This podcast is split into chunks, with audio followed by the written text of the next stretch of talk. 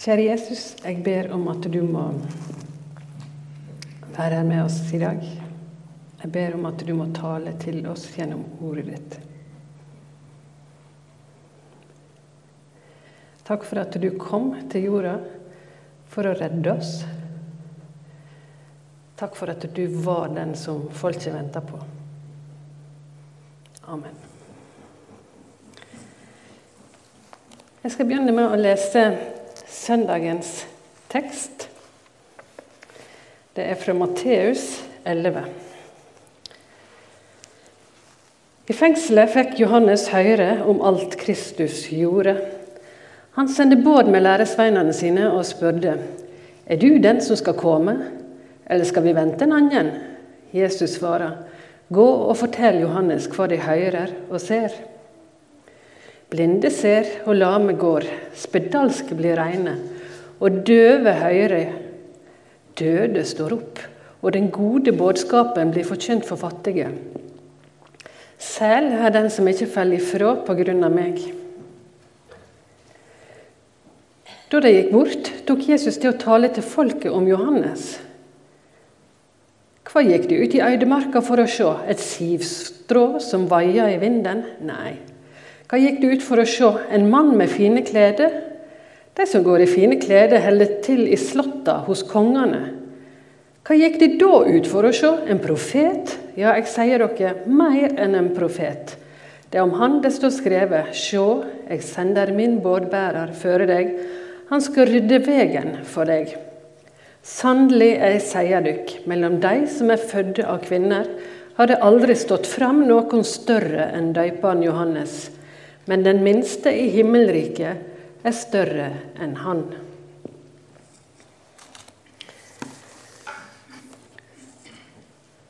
Dette her er en rar tekst på mange måter.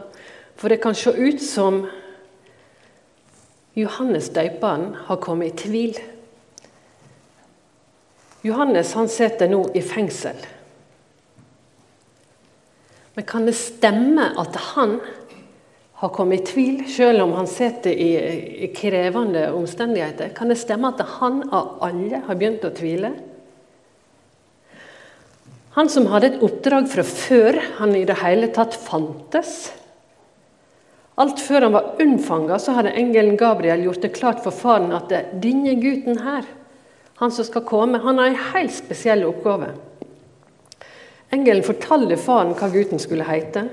Han skulle fornavne Johannes. Og han skal bli til glede og fryd for deg, og mange skal glede seg fordi han er født.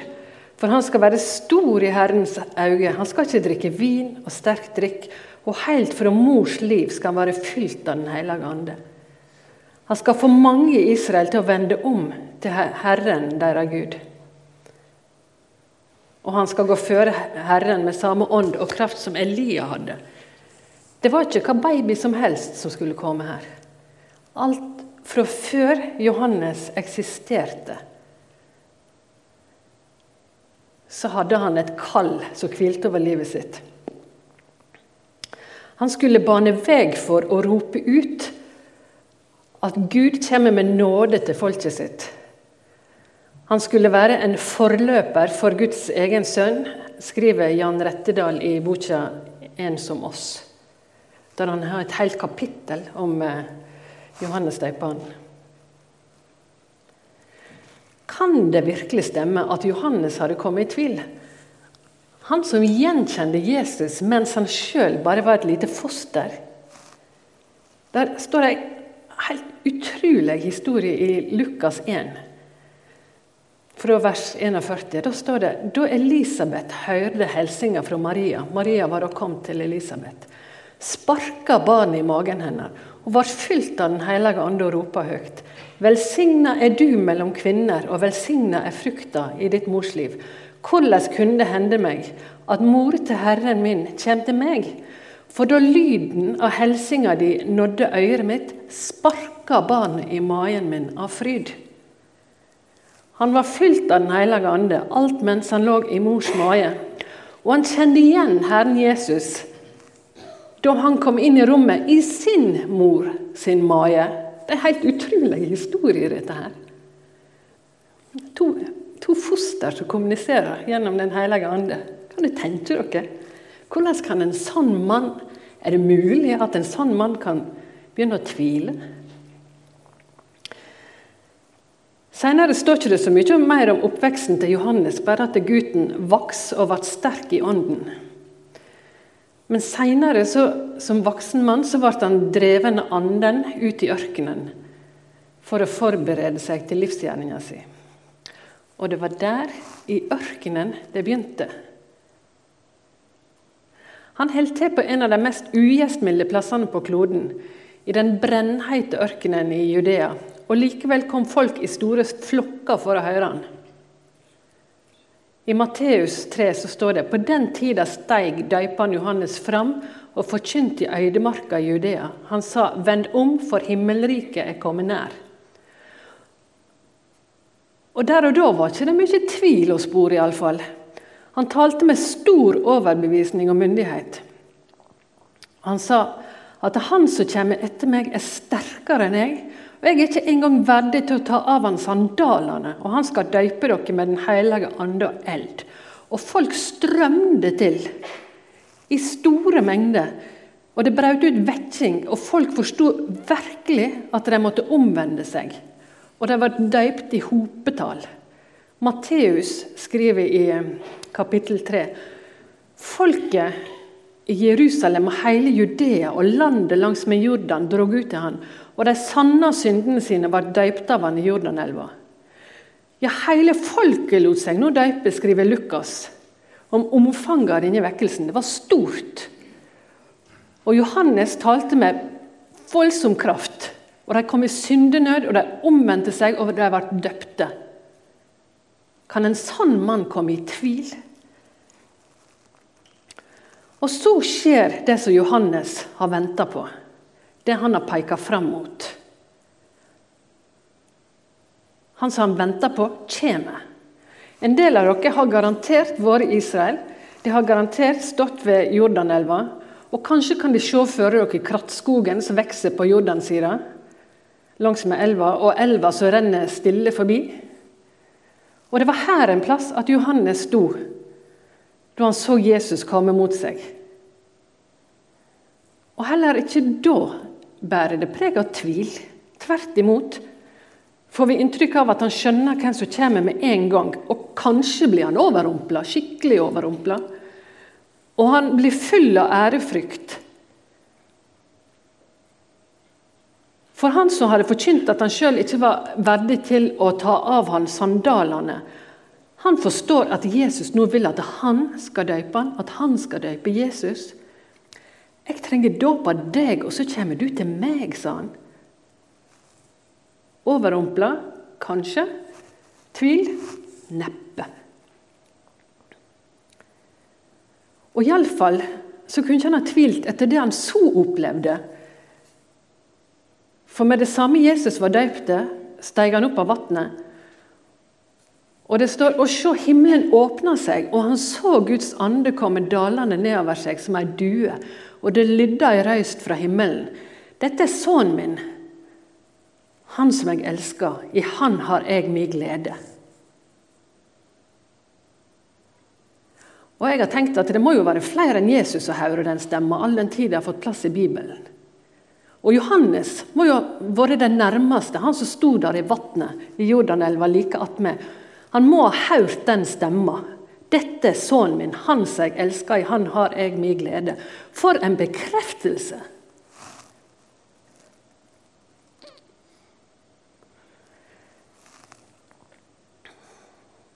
Og Så vet vi hva som skjer videre. De som skrev historier, de flytta fokus. De konsentrerer seg om Jesus.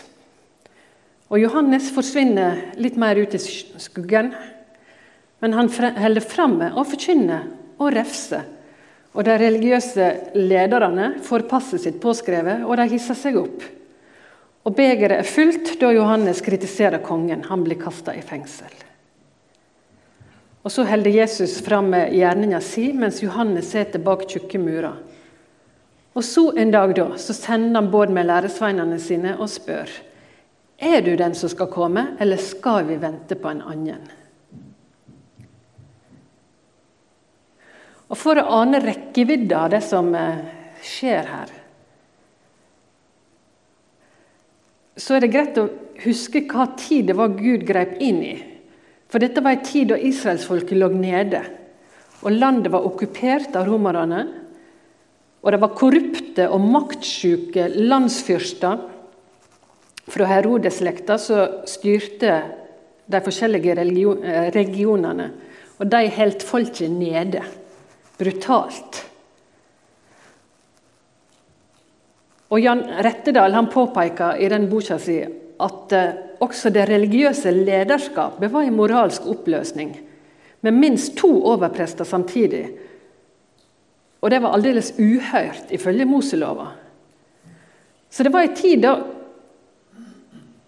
det helt sikkert var folk som var fortvila og mismodige, og kanskje enda til tvilte på Gud og lurte på om han hadde glemt dem. Det er da Jesus kommer, det er da uh, Gud griper inn. Men om andre var fortvila, kan det virkelig stemme at Johannes, han som kort tid tilbake hadde forkynt med myndighet at himmelriket var nær, at han skulle begynne å tvile?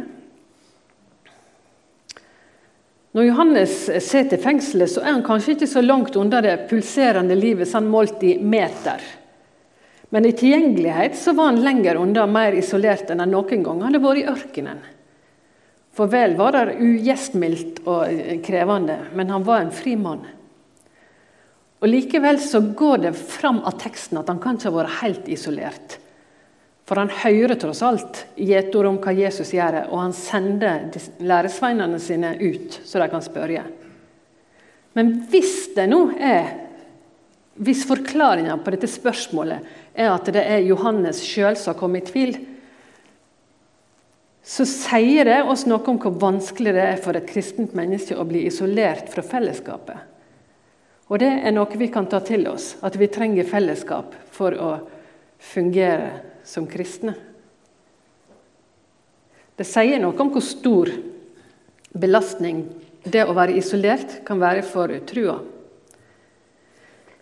Men jeg er ikke alene om å synes dette her er rart. For opp gjennom hundreåra har Kirka diskutert hva som var bakgrunnen for spørsmålet til Johannes. Hvorfor sender han av gårde læresveinene sine til Jesus med dette spørsmålet? Og noen har lurt på om han hadde sittet så lenge fengsla at han hadde mist tålmodigheten.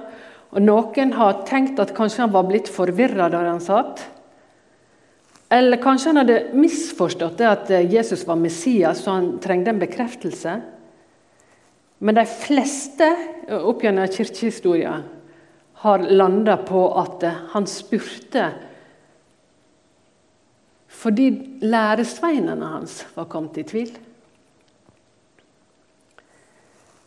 Det var for at de skulle få en bekreftelse at han sendte dem. Og hva som var tilfeldig, det får vi kanskje det får vi aldri vite. Og kanskje er ikke det så viktig, for det som er viktig for oss, det er innholdet i svaret. For enten det nå er Johannes eller disiplene som trenger en bekreftelse, så får de det svaret de lengter etter. For himmelriket er virkelig nær. Det er her. Gud, Guds rike er midt imellom dem. Og Jesus svarer, 'Gå og fortell Johannes hva de hører og ser.' At det blinde ser og lame går, spedalske blir reine, og døve hører, og til og med at det døde står opp, og at den gode budskapet blir forkynt for fattige. For et aldeles herlig svar å få, og for en fortelling disse læresveinene kommer tilbake til, til eh, Johannes med.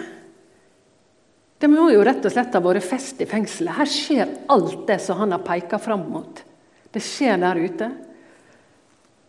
Så trosstyrkende det må ha vært, og for en vaksine mot mismodighet.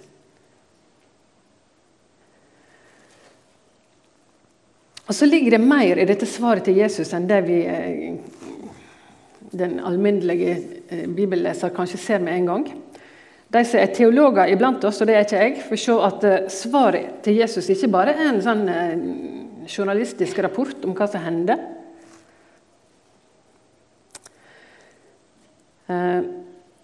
Gjennom de ordene han velger, så stadfester han profetier fra Det gamle testamentet.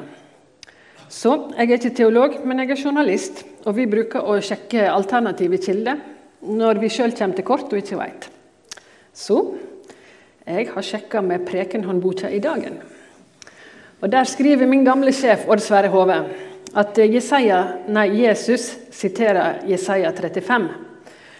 Der står det en profeti om akkurat det som skjer når Johannes sitter i fengsel og Jesus er i full sving ute.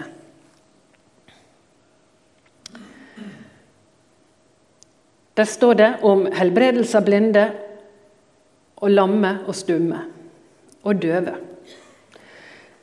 Jesus siterer ikke helt ordrett. De stumme de er utelatt i Matteus.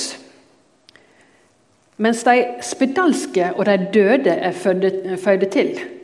Og Såpass fritt var folk på Jesus' tid vant til at Skriften kunne siteres, skriver nå Sverre. Men han mener at eh, den tilføyelsen som Jesus kom med, den var ikke tilfeldig. Ikke minst det at han skriver at det døde blir vekte opp. For oppvekkelsen av døde er avhengig av en makt som bare Gud rår over, skriver han dessverre. Og videre ved å sitere fra Jesaja 35 om det han sjøl nå står midt oppi, så, Jesus, så, går Jesus rett inn i profetien. på en måte. Han, stiller, han tar en rolle som i originalteksten til Jesaja blir tilskrevet Gud. Så det er ikke tvil. Jesus er Gud. Jesus er den som skal komme. Og Gjennom disse sitatene fra Gamle Testamentet så identifiserer Jesus seg som guddommelig, som Messias og som han som skal komme. Men så skjer det mer. Når disse læresveinene til eh, Johannes drar tilbake til fengselet med den gode budskapen, og det blir fest bak murene, så begynner Jesus eh, å tale til folket om Johannes. Og han stiller noen retoriske spørsmål.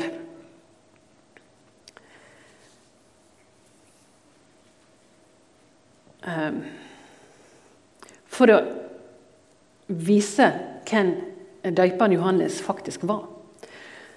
Han var ikke et sivstrå som vaia i vinden. Han var ikke en mann med fine klær. Det kunne de funnet en annen plass enn ute i ørkenen. Og han var ikke bare en profet, han var mer enn en profet.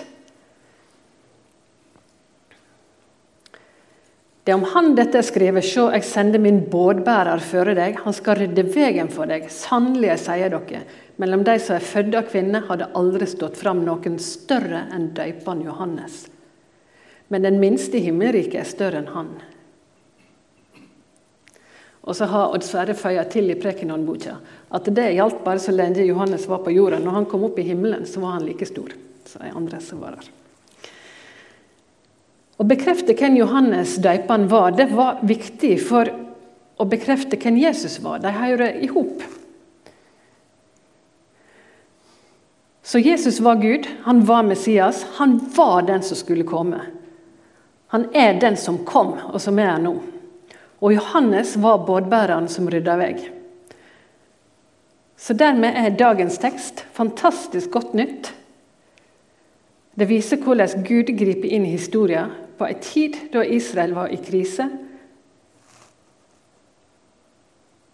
Men han griper også inn for å redde oss alle i en enorm bergingsoperasjon. Denne historien her er en vaksine mot mismot. I dagen så merker vi av og til at folk er mismodige. Det er så mange piler som peker feil vei. Det er så mye som går gale. Tykker vi.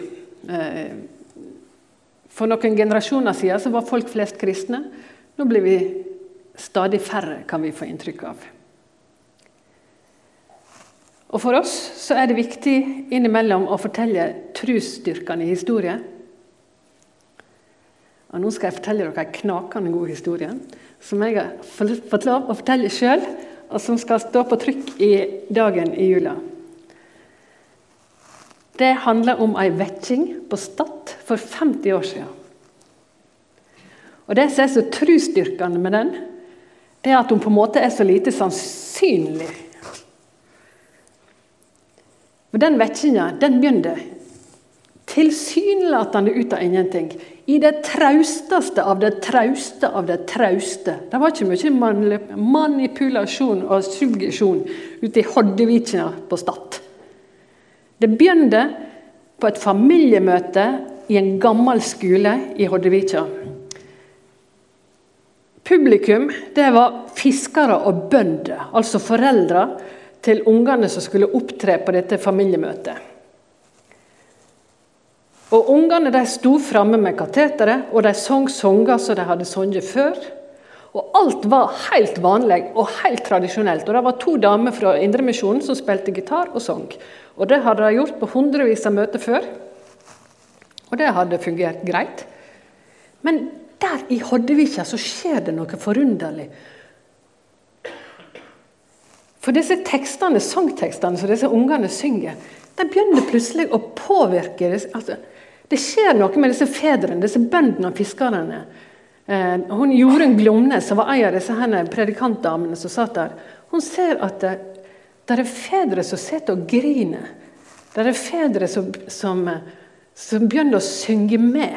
De sang bl.a. en eh, 'Jesus er pappas beste venn', var et av versene. Og hun ser at en av fedrene sitter og mimer. Og der og da, i Hoddevika, så bryter en vekkelse løs. Og så fortsetter han til Stadlandet, og senere ut i, i Ærvika, ei anna bukt på Stad. Og Da var det ei dame, ei ung mor, som hadde gått og bedt. For hun, hun kjente at hun var kalla, men hun visste liksom ikke hvordan hun skulle gripe det an. Hun ba kjære Gud, send vekkelse og start med meg. Og når møtet endelig var slått ut i her Hordevika, så var hun den første som reiste seg. Eh, da det ble invitert fram til frelse fram til alterringen. Hun dro med seg svigerfaren sin som krykke. Kan, kan, du være med?' spør hun. Og han ble med. Og hun Jorunn Glomne, som har fortalt en del av historien til meg, hun sa at, at hun, Lillian, reiste seg, det var steinen som løste skredet. Og så er det mange som blir frelst. Men ikke mannen av Lillian. Han vet ikke. Han er sikker på at hvis han går fram og bøyer kne, da er livet over. Um, han var veldig glad i å gå på dans. Han syntes det var så kjekt å danse. Men så blir kompisen til han her karen frelst. Og det var han som brukte å spille trekkspill på dans. Så da er det plutselig uten musikk. Det er et problem. Men han vil, vil virkelig ikke eh, gå ned i kirka. Han, eh, nå har jeg glemt hva han heter. Men iallfall. Men faren hans han maser på ham hver dag. For dette var sånn typisk eh, gammeldags møteserie hver eneste bidige dag. Og til slutt, en dag så står de utenfor fjøsen, og de har nettopp løfta steiner ut av eh, siloen som de hadde brukt til, eh, til, å, til, til å legge press på siloen. Det hadde de løfta av, så det lå i en stor ur framfor troppa inn til melkerommet. Og så står faren der og så sier han, du må ikke vente så lenge at det blir for seint. Og det neste som skjer, er at sønnen feller om. Og faren tror at han har fått hjerteinfarkt, så han får jo panikk og spør skal jeg, ringe, skal jeg ringe ambulansen. Nei, sier han. Ring predikanten. Og Predikanten kommer, og han får gjort eh, det han trenger og bekjent sin synd. Og, og dette her fortsetter. Så de må nok kjøpe dagen til jul, for da får de fortsettelsen. Jeg kan ikke fortelle alt her. Men det er en fantastisk historie om hvordan, da, hvordan Gud griper inn. Men det er ikke ut av ingenting, viser det seg. For i alle disse bygdene så er det folk som har bedt på forhånd. Og så skjer det noe. Gud griper inn. Sånn. Det er utrolig For meg har det vært så kjekt å jobbe med. Jeg har vært rundt og snakket med en haug med gamle folk, for de er jo blitt gamle nå. De som var med, de var unge foreldre, de fleste av de som kom med for 50 år siden. Nå er de gamle. Og jeg tenkte at det, Kanskje vil de være litt nølende med å fortelle. Kanskje de synes det er litt sånn flaut og personlig. Men de har den samme frimodigheten ennå. Og den vekkelsen har fått konsekvenser i generasjoner. For deres barn og barnebarn, veldig mange av dem, er fremdeles eh, De tror på Gud.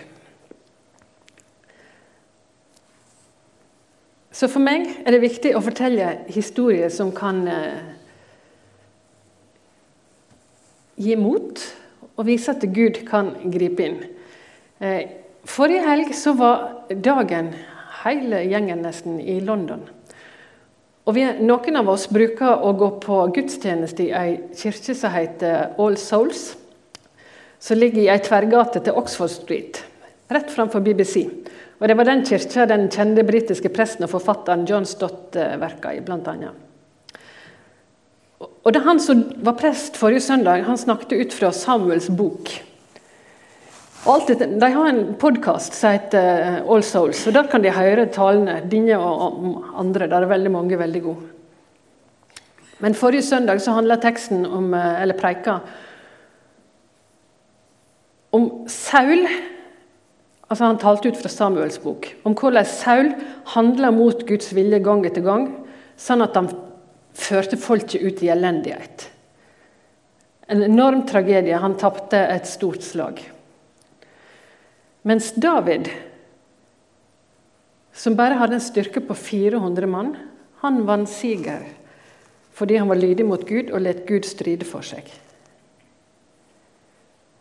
Og Bibelen er full av historier om at Gud griper inn hvis vi legger vårt liv i Guds hender og stoler på Han.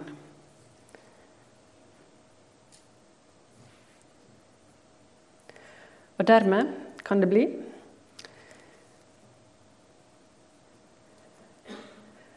Sånn som eh,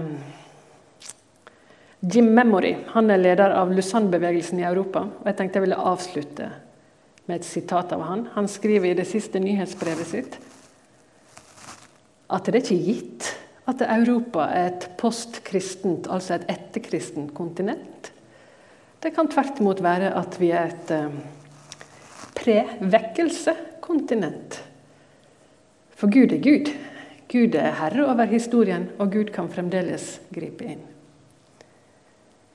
For han som en venter på, er kommet, og han er fremdeles.